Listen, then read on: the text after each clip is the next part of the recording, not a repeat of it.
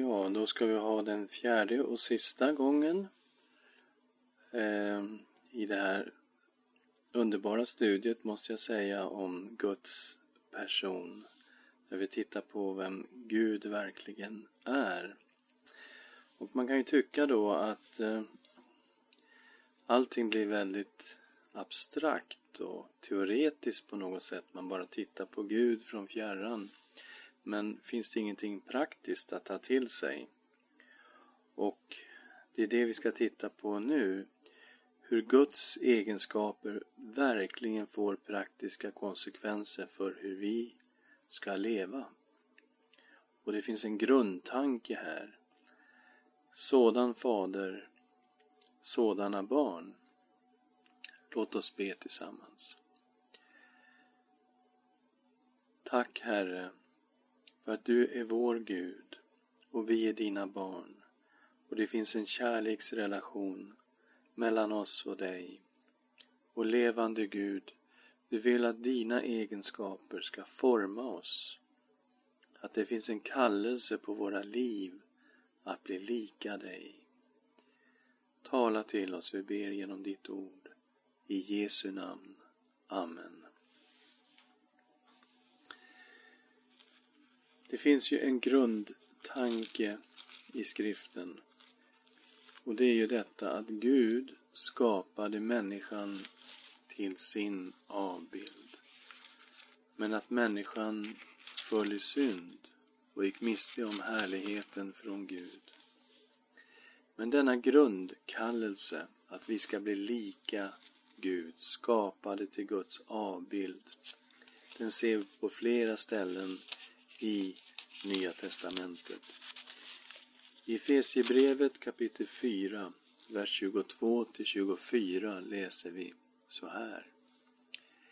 Ni har lämnat ert förra liv och lagt av den gamla människan som går under, bedragen av sina begär, och nu förnyas och ni förnyas nu till ande och sinne ni har iklätt er den nya människan som är skapad till likhet med Gud i sann rättfärdighet och helighet.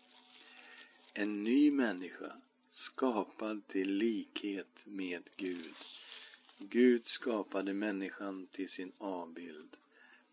När vi i det kristna livet har som mål att genom Guds andes verk bli förvandlade till att bli lika Kristus.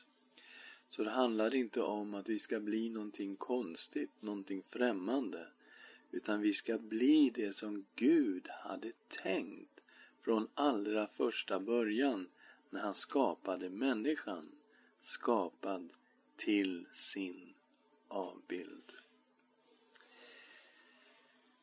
Vi ska se hur Guds egenskaper faktiskt då ska slå igenom på hur vi ska leva. Eh, så det här kommer handla mer om hur Guds egenskaper relaterar till oss människor. Gud är sanning, Gud är trofast. Och vi läser Hebreerbrevet 10 15 till 23. Vi ska inte läsa alla verserna. Men här står det om underbara saker som Gud har lovat, ett nytt förbund och vad det innebär, syndernas förlåtelse och att vi nu genom Jesu blod frimodigt får komma inför Guds ansikte. Och så slutar det i vers 23. Låt oss orubbligt hålla fast vid hoppets bekännelse. Ty den som gett oss löftet är trofast. Gud står vid sitt ord. Gud står vid sina löften. Vi kan lita på Gud. Han är sann i allt och han är trofast i allt.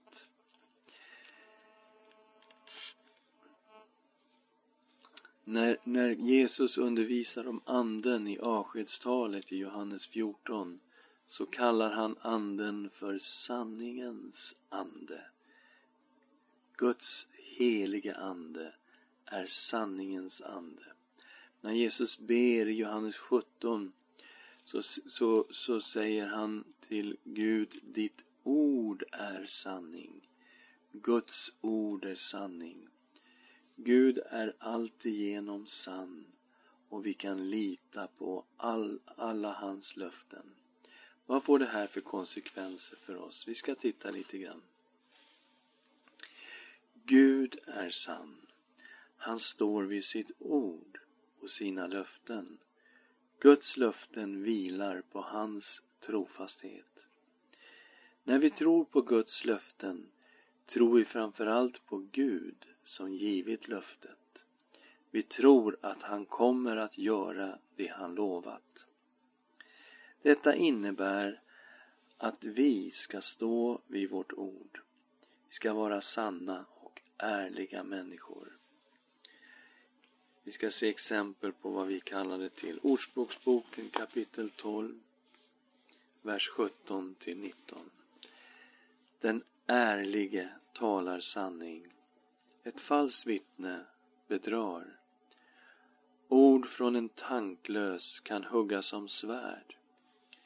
Det visas tunga ger läkedom. Sanna ord består för evigt. En lögnaktig tunga blott ett ögonblick. Gud lyfter fram ärlighet och Gud lyfter fram sanning. I Ordspråksboken 19, vers 9. Ett falskt vittne blir inte ostraffat. Den som främjar lögn skall förgås. Lögn är ingen höjdare i Bibeln. Vi ska vara ärliga.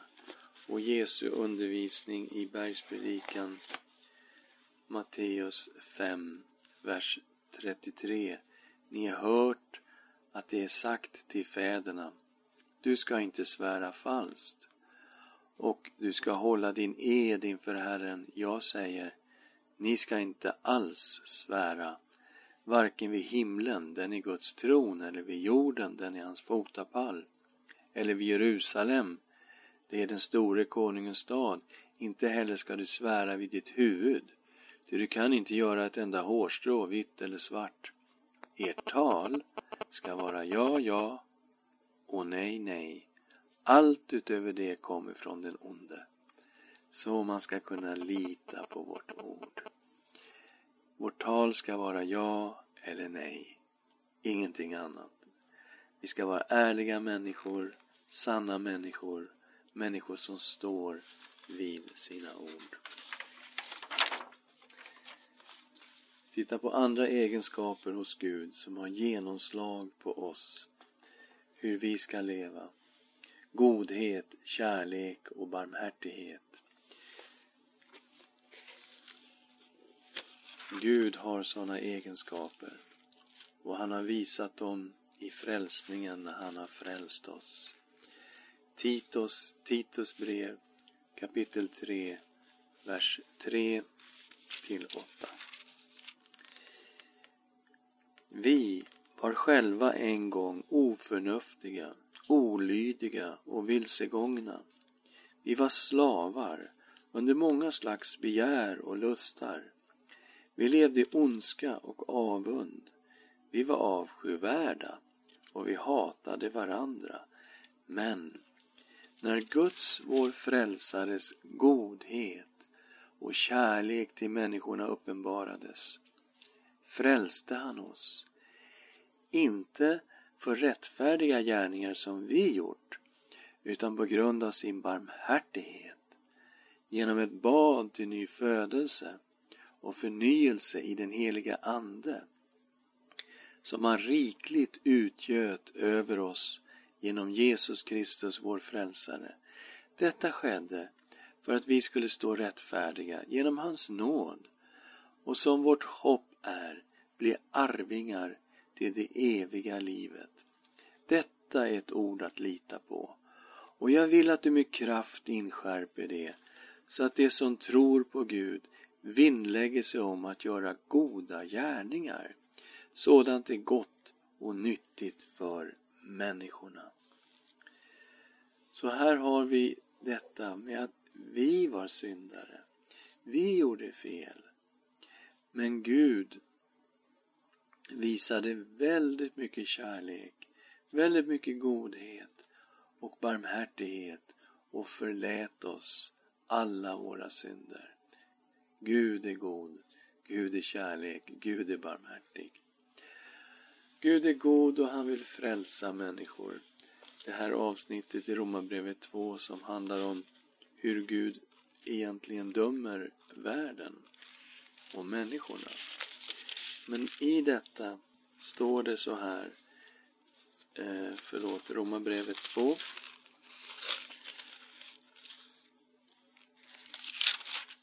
och vers 4.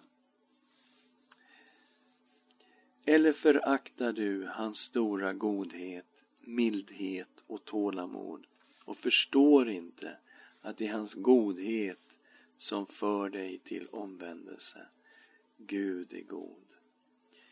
Gud älskar människan och Gud vill genom sin godhet föra varje människa till omvändelse. Gud är kärlek. Johannes 3.16 Ty så älskade Gud världen att han utgav sin enfödde son på det att var och en som tror på honom inte ska gå under utan ha evigt liv. Gud älskar oss så mycket att han sände Jesus Kristus till vår värld. Och det är samma sak som kommer fram i Romare 5, vers 7 och 8. Knappast vill någon dö för en hedlig människa. Knappast vågar någon gå i döden för den som är god, men Gud bevisar sin kärlek till oss genom att Kristus dog i vårt ställe medan vi ännu var syndare. Oj, vilken kärlek! Medan vi var syndare, medan vi hade vandrat bort ifrån Gud och hade vänt honom ryggen, då kommer han i sin kärlek, sänder Kristus, som dör i vårt ställe, betalar straffet för våra synder. Vilken underbar kärlek Gud har till oss. Hur ska vi sammanfatta det här och se hur det ska få genomslag på våra liv? Gud är kärleksfull, god och barmhärtig. Dessa egenskaper upp, uppenbarades på ett överflödande sätt i Jesus Kristus. Även i dessa egenskaper ska vi likna Gud. Kärlek, godhet och barmhärtighet. Se hur Gud, hur han vill att vi också ska vara uppfyllda av kärleken. Matteus kapitel 22, vers 37 till 39. Mycket kända verser. Han svarade, du ska älska Herren din Gud av hela ditt hjärta, av hela din själ, av hela ditt förstånd. Detta är det största och det främsta budet. Sedan kommer ett som liknar det. Du ska älska din nästa som dig själv. På dessa två bud hänger hela lagen och profeterna. Hela Gamla testamentets undervisning samlat i det dubbla kärleksbudet. Älska Gud, älska din nästa. Och kärleken inom den kristna familjen. Syskonkärleken som kommer fram så starkt i just avskedstalet i Johannes. Och där Jesus också ger ett nytt bud. Johannes 13.34 Ett nytt bud ger jag er. Att ni ska älska varandra. Så som jag har älskat er ska också ni älska varandra. Om ni har kärlek till varandra ska alla förstå att ni är mina lärjungar.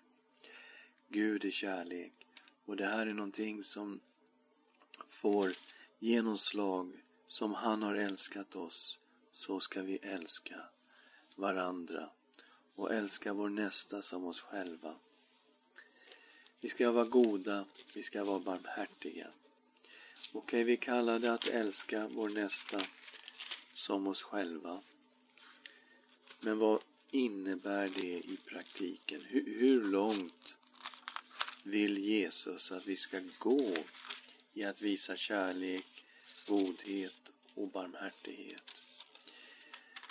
Ja, det handlar om att bli lika Gud. Sådan fader, sådana barn.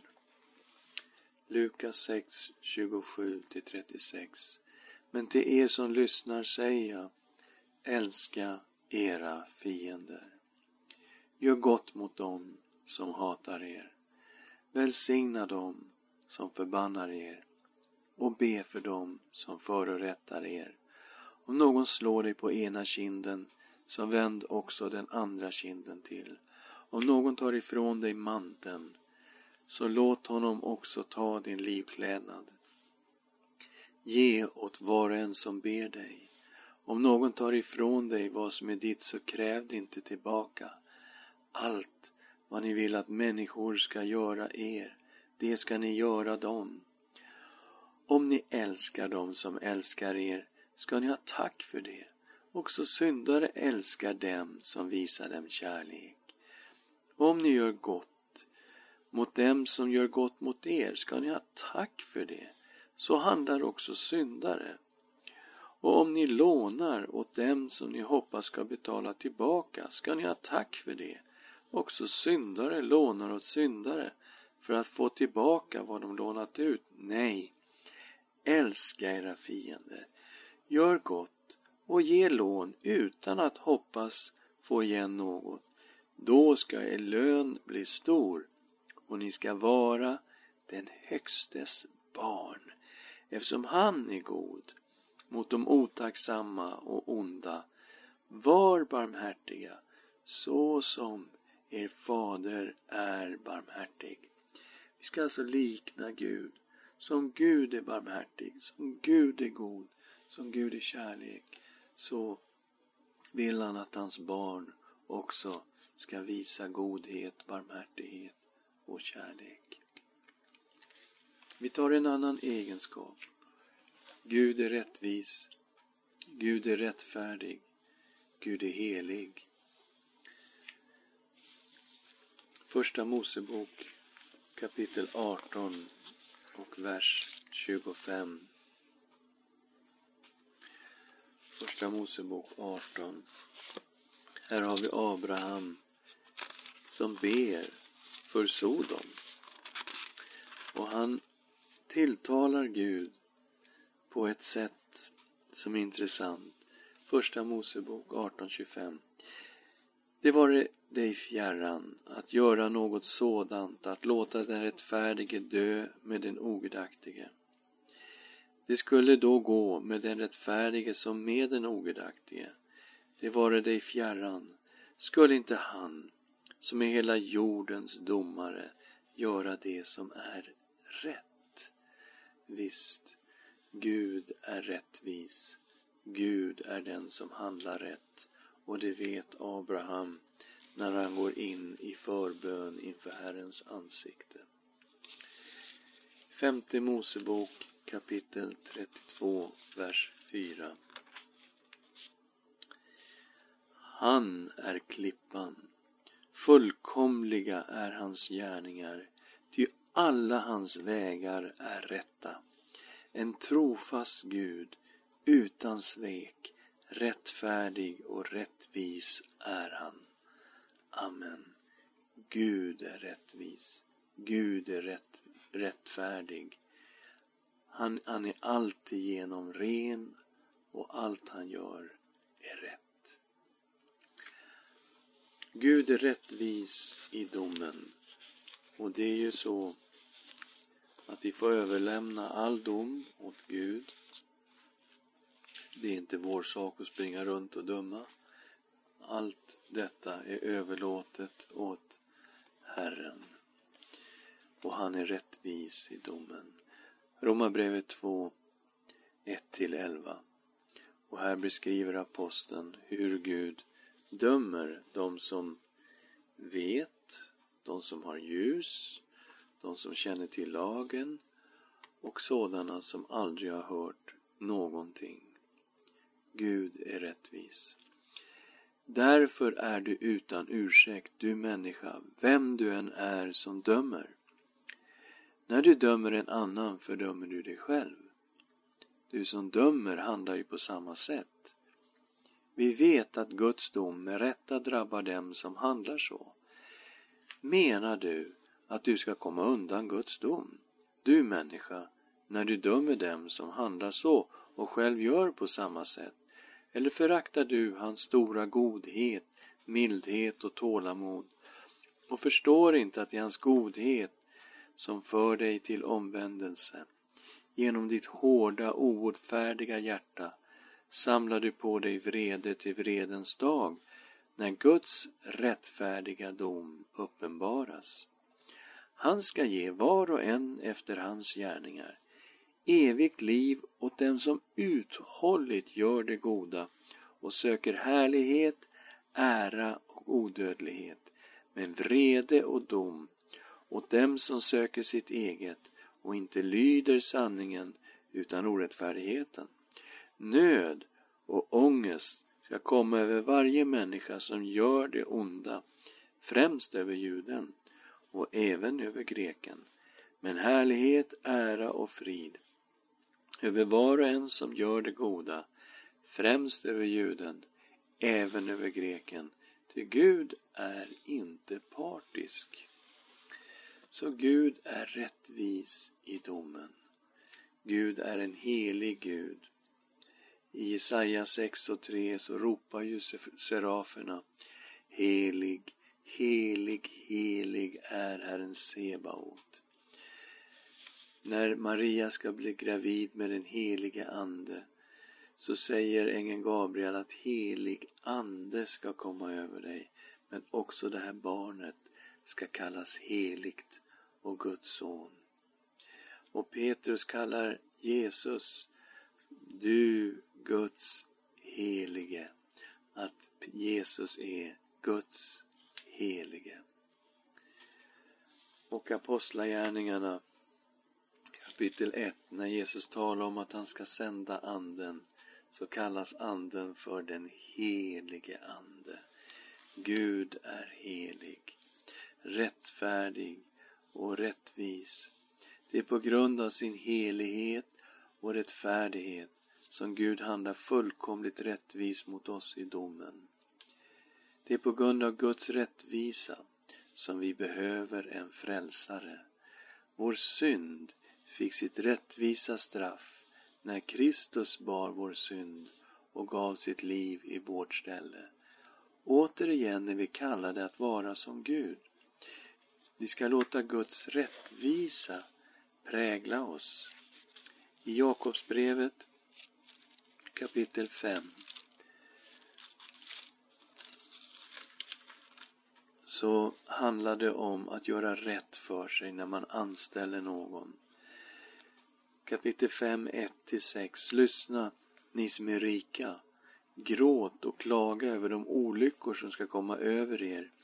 Er rikedom ska förmultna, era kläder förtäras av mal, ert guld och silver ska ärga, och ärgen ska vittna mot er, och förtära ert kött som eld. Ni har samlat skatter i de sista dagarna. Se, den lön ni undanhållit arbetarna som skördade era åkrar. Den ropar och skördearbetarens rop har nått Herren Sebaots öron. Ni har levt i lyx och överflöd på jorden. Ni har gött er på slaktdagen. Ni har dömt en rättfärdig och dödat honom och han gjorde ingen motstånd mot er. Och Jakob tar upp detta att människor kan bli rika genom att utsuga de svaga och de fattiga. På de fattigas bekostnad kan man bli rik, men Gud ser detta. Vi är istället kallade att vara rättvisa och göra rätt för oss. Vi ska också stå upp för den svage och skaffa rättvisa åt den svage. I Ordspråksboken kapitel 31 och vers 8 och 9. Ordspråksboken 31 vers 8 och 9. Öppna din mun för den stumme och försvara alla värnlösa. Öppna din mun och döm rättfärdigt. Skaffa den betryckte och fattige rätt. Alltså det finns människor som är värnlösa, människor som är svaga, som inte har en röst och som inte kan nå rättvisa.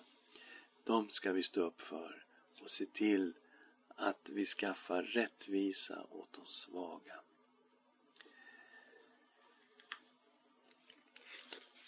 Guds ord är någonting som formar våra liv. Och aposteln Paulus säger att Guds ord kan fostra oss till rättfärdighet. Andra Timoteusbrevet kapitel 3, vers 16 och 17. Hela skriften är utandad av Gud och nyttig till undervisning, till bestraffning, till upprättelse och till fostran i rättfärdighet för att gudsmänniskan ska bli fullt färdig, väl rustad för varje god gärning. Så i själva gudsordet finns en fostran till att leva ett rätt och gott liv. Vi är kallade att göra det som är gott och det som är rättfärdigt. I, i Första Johannesbrevet kapitel 3, vers 7.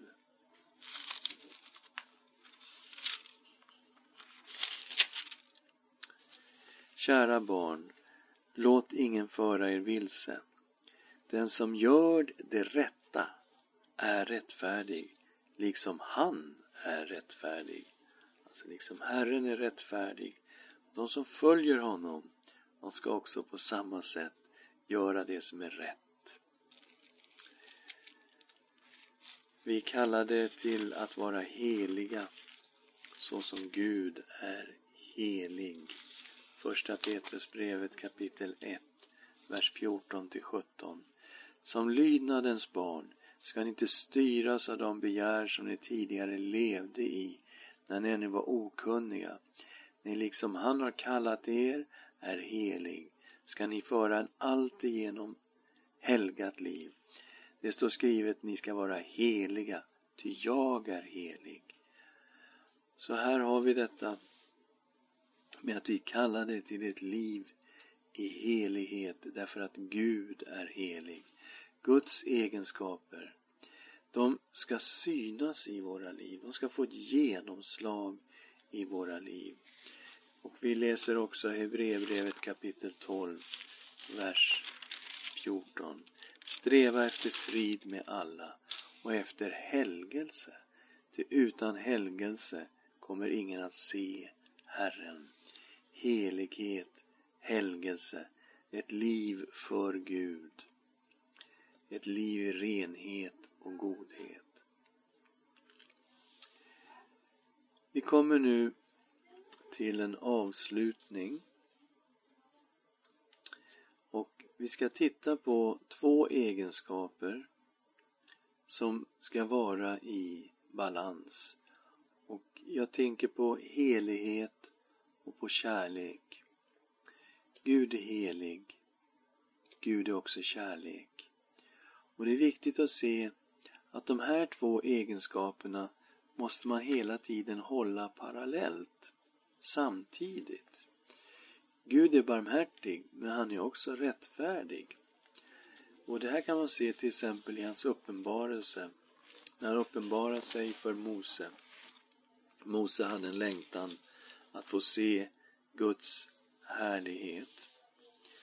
Och eh, då kommer den här uppenbarelsen av Gud i Andra Moseboks 34 kapitel. Och Herren gick förbi honom där han stod, alltså Herren går förbi Mose, där han stod och ropade Herren, Herren, en Gud barmhärtig och nådig, sen till vrede, stor i nåd och sanning, som bevarar nåd mot tusenden och förlåter överträdelse, synd och skuld, men som inte låter någon bli ostraffad utan låter straffet för frädernas missgärning drabba barnen och barnbarnen i ja, tredje och fjärde släktledet. Så, Gud är nåderik. Gud är barmhärtig. Men samtidigt, låt inte någon bli ostraffad. Gud är kärlek, ja, visst. Gud är också helig. Detta är i balans.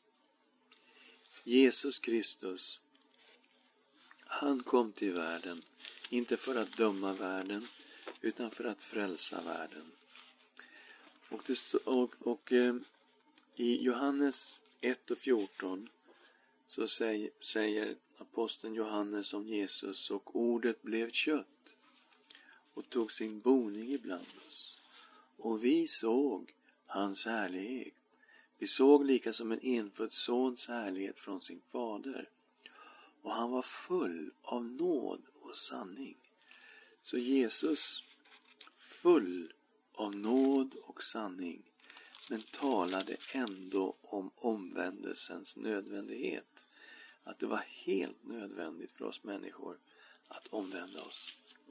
Exempelvis i Lukas 10, 10-16.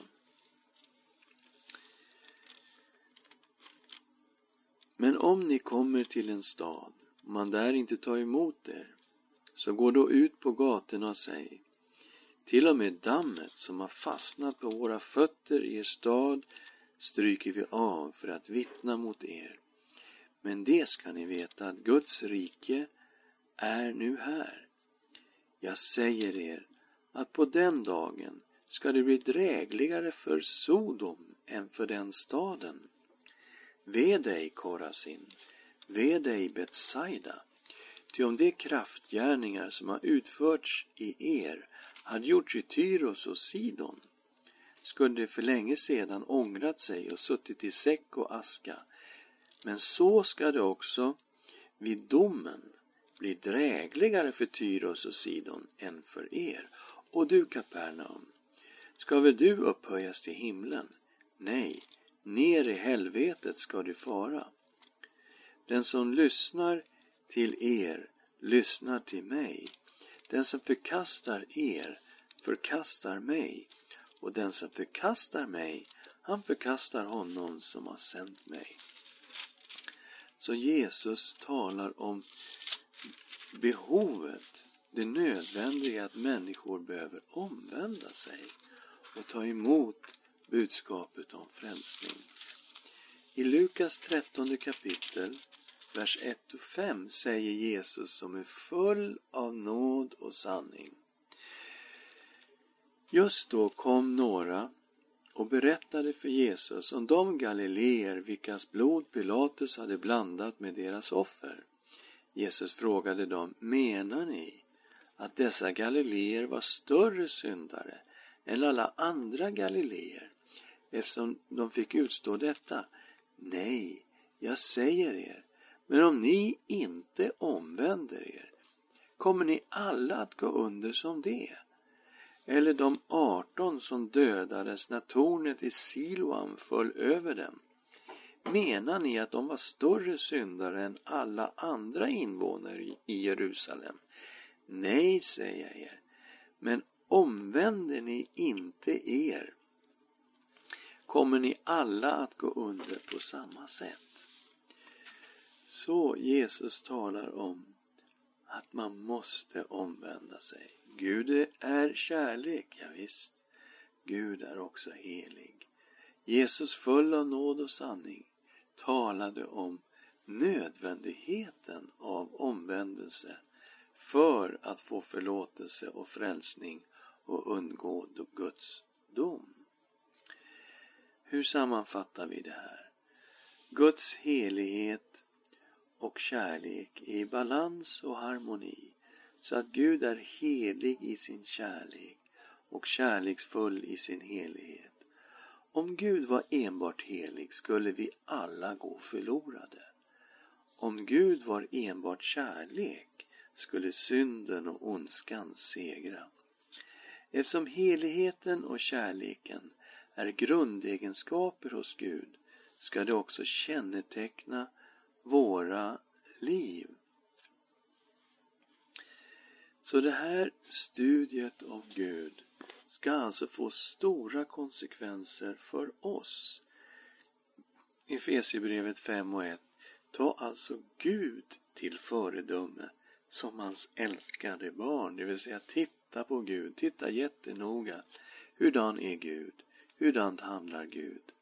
Och vi som är hans barn, vi ska likna vår fader. Så vi ska ta Gud till föredöme och handla som Gud.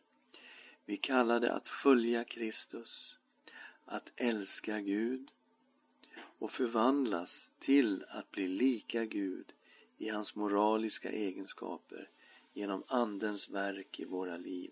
Och det här beskrivs ju på flera sätt hur vi ska bli lika Kristus. Kolosserbrevet kapitel 3. Här har vi detta som vi ska lämna och det vi ska ta på oss. Det vi ska lämna det är sånt som hör den gamla människan till. Det vi ska ta på oss det är det som hör Gud till, det som hör Kristus till. Låt oss läsa Kolosserbrevet kapitel 3, vers 5 till 11. Döda därför era begär som hör jorden till, otukt, orenhet, lidelse, lusta och girigheten som är avgudadyrkan. Allt sådant nedkallar Guds vrede över olydnadens barn. Bland dem vandrade också ni en gång, då ni levde i dessa synder.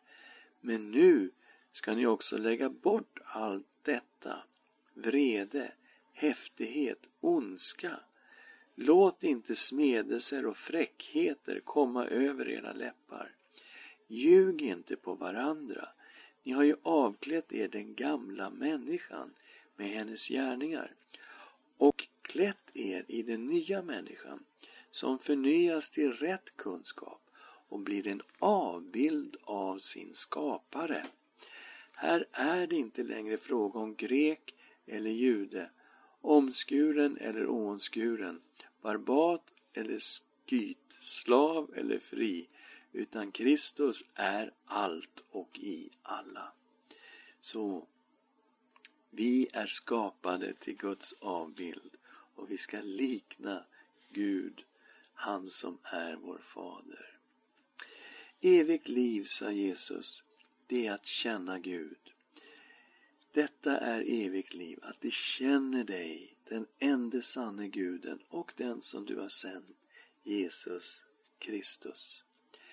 Eftersom Gud är oändlig och obegränsad i alla sina egenskaper kommer det alltid att finnas nya djup att lära känna i vår gemenskap med Gud.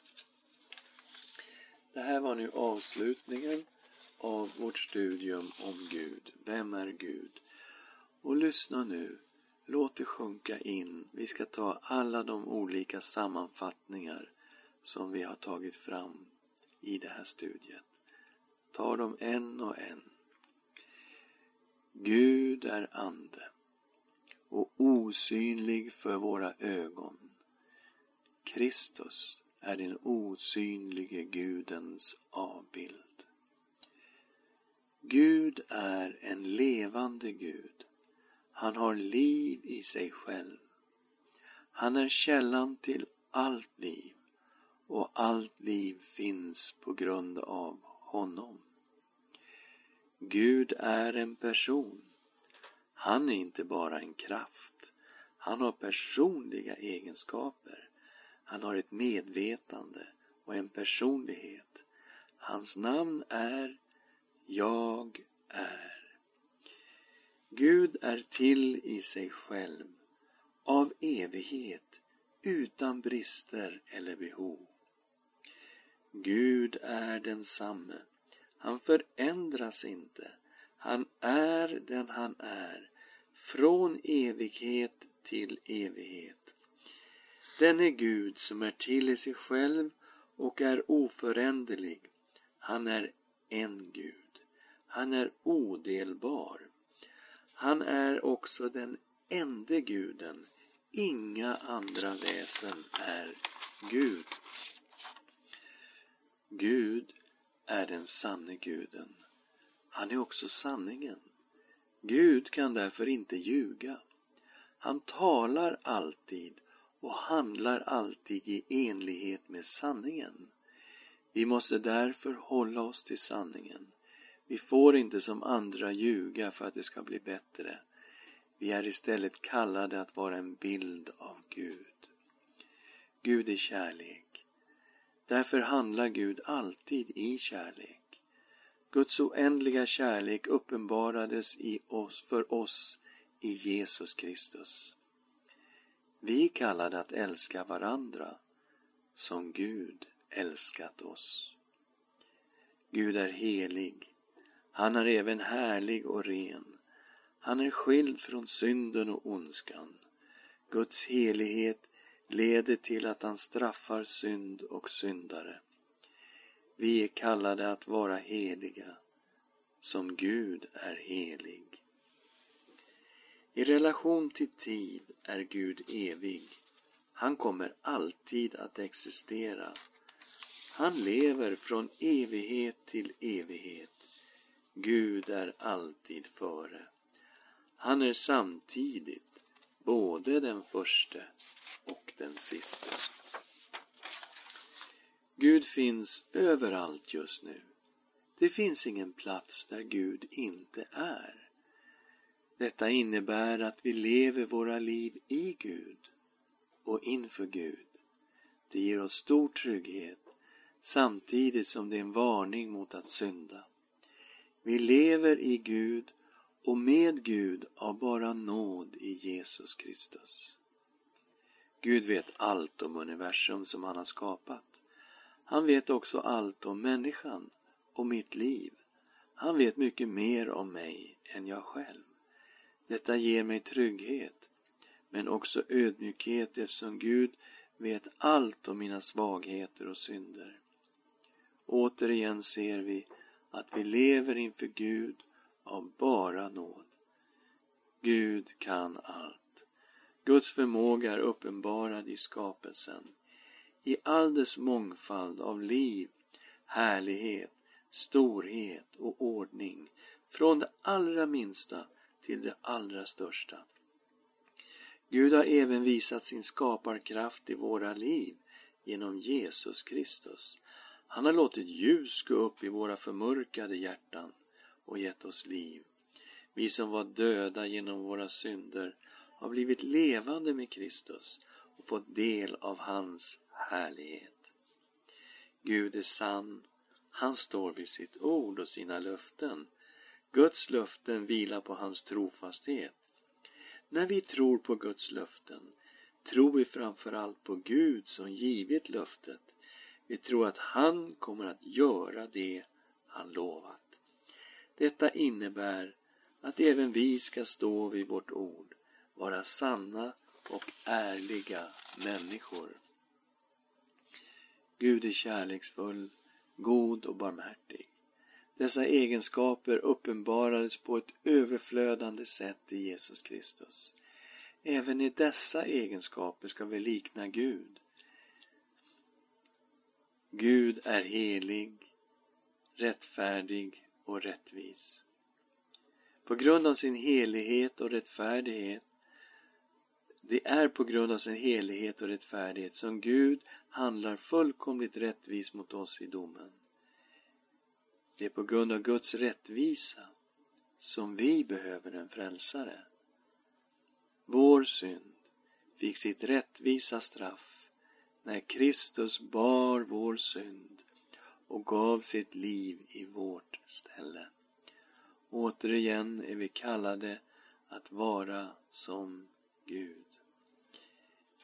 Guds helighet och kärlek är i balans och harmoni så att Gud är helig i sin kärlek och kärleksfull i sin helighet. Om Gud var bara helig skulle vi alla gå förlorade. Om Gud var enbart kärlek skulle synden och ondskan segra. Eftersom heligheten och kärleken är grundegenskaper hos Gud ska det också känneteckna våra liv. Amen. Låt oss be tillsammans. Levande Gud, Vi tackar dig för att du har uppenbarat dig i ditt ord. Tack för att du är den du är. Men tack också för alla dina underbara egenskaper. För din kärlek, för din godhet och din barmhärtighet. För att du är helig och rättfärdig och rättvis. Herre, vi ber, forma våra liv. Gör oss lika dig. Fyll oss med helig Ande så att vi genom din kraft förvandlas dag för dag till att bli mer lika dig. Du som hade tänkt så med oss människor när du skapade oss till din avbild. I Jesu namn. Amen.